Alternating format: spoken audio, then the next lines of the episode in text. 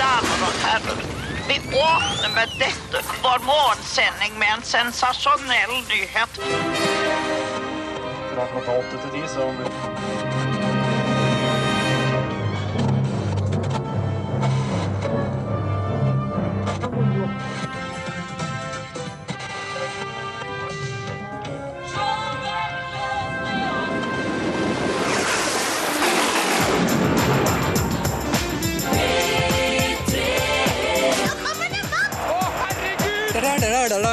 er vel bare helkornbrød, tenker jeg. Blir kanskje bedre etter hvert. Ja, det, det får man Altså, det har i hvert fall gått veldig, kommet veldig fort på. Nå er dagen endelig her. Lars Erik Mørk ønsker på vegne av en meget spent gjeng velkommen til P3, din nye radiokanal. Dra meg nå baklengs inn i fuglekassa. P3s første sending, altså, med Lars Erik Mørk i studio, og som utegående reporter i den sendingen, programleder for et av P3s mest populære programmer, Excel, Lars Hognestad. Velkommen til Kulturnytt. Tusen takk for det. Hvordan var gjenhøret med første sending? Ja, det var, eh, det var lyden av ungdom, det der. Det var jo nøyaktig denne ting ungdom ville ha på den tiden, tror jeg. Ja, du er sikker på det? Ja. Ja. Det ble jo en, eh, men P3 ble en suksess da det kom. Ja.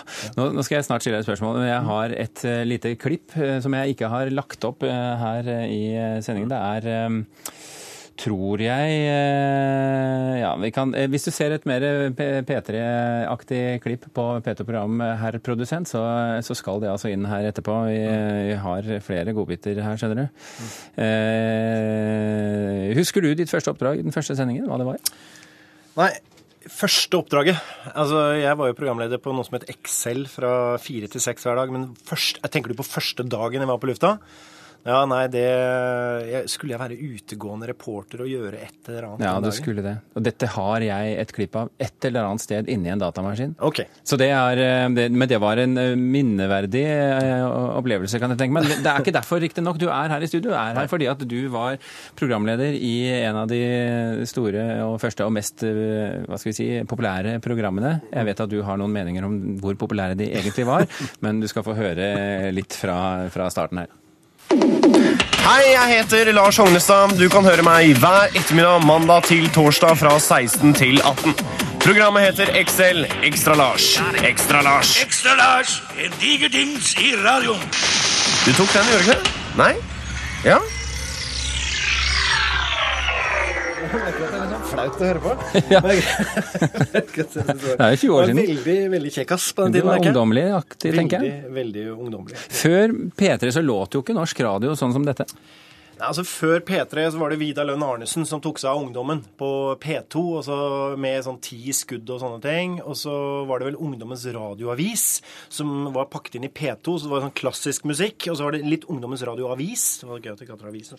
Og så etter det igjen så var det masse klassisk musikk. Så på en måte ungdommen fikk eh, egentlig ingenting på den tiden. Og så begynte NRK å tenke skal vi lage et nytt trekanalsystem. Og så satset man ok, da lager vi P3 kun for uh, ungdommen. Og så ble P2 endret litt, og så ble P1 endret litt. Det er sånn jeg mener å huske at det var. Men du var jo, eh, hva skal jeg kalle det, i en sånn slags gründerfase. Hva var det dere ville med P3? Vi ville rett og slett at eh, ungdom eh, skulle høre på radio, rett og slett. Og, så, og, og vi skulle liksom eh, at, at dette var et sted hvor radioen kunne stå på for ungdommen, og at det skulle, vi skulle spille rytmisk popmusikk, på en måte. Og vi skulle vel være Vi, vi skulle vise Ja, vi skulle være et alternativ til ungdommen, rett og slett. Det var ikke noe det, Som det ikke var satset noe særlig på her i NRK radio. i det Men, men hvor, mye, hvor frie hender fikk dere, da? Vi fikk veldig frie hender. målsettingen målsetningen var å lage med, Vi skulle lage mye radio. Det var jo 24 timer i døgnet.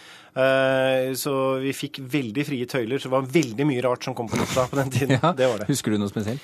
Nei, Jeg bare husker at uh, vi syntes det var veldig gøy å benytte oss av hele utenrikskorrespondentgreiene. Så vi, vi, det å kunne bare ringe til Odd Karsten Tveit og ringe til Moskva og ringe overalt og spørre hvordan ting var og sånn, det var veldig gøy. Jeg tror det var morsomt for korrespondentene på den tiden også.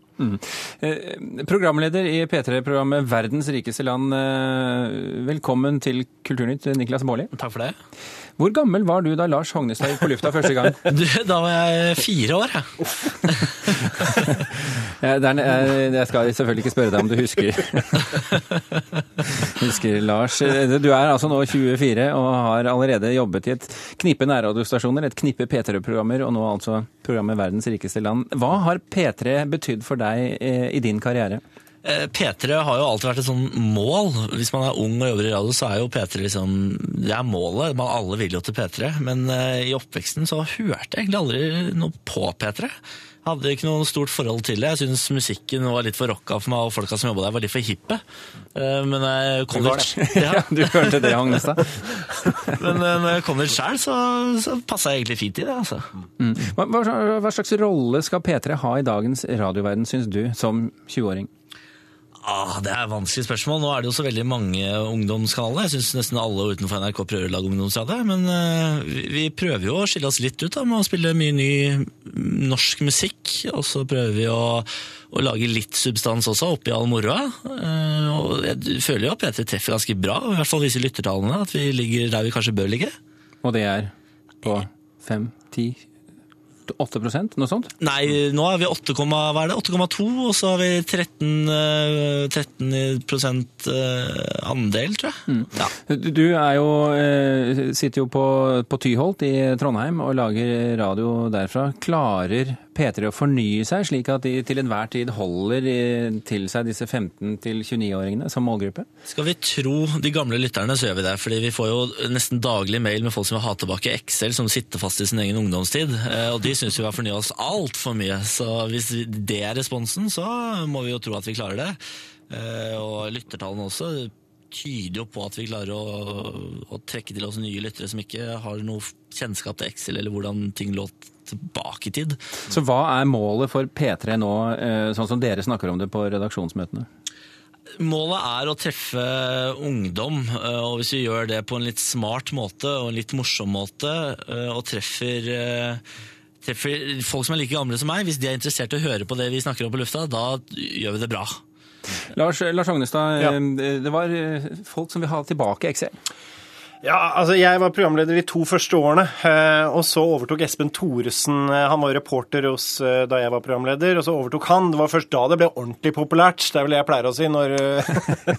så folk forbinder veldig mye Espen Thoresen eh, med Excel, men eh, jeg var programleder de to første årene. Men det var jo Excel Extra Lars, det var jo det. Ja, han beholdt navnet Ekstra Lars. Ja. Hvorfor sluttet du egentlig? Du, eh, jeg, jeg og Bård Tufte Jansen, Harald Eia og en del flere, Marit Aaslein og sånn, vi fikk oppdrag å lage Lille Lørdag, et lite TV-program som gikk på NRK. Det var et lite TV-program. Det, det var også veldig gøy. Så jeg ramla over i fjernsyn og ble der siden. Sånn har det blitt. Niklas Baarli og Lars Hognestad, tusen hjertelig takk for at dere kom til eh, Kulturnytt. Men, men før du går, Lars, Ja. eh, husker du hvilken låt som var den første som ble spilt på P3 for 20 år siden? Uh, nei, det husker jeg ikke. Da kan jeg fortelle deg at det var Prince, og det var eh, låta 'Peach'.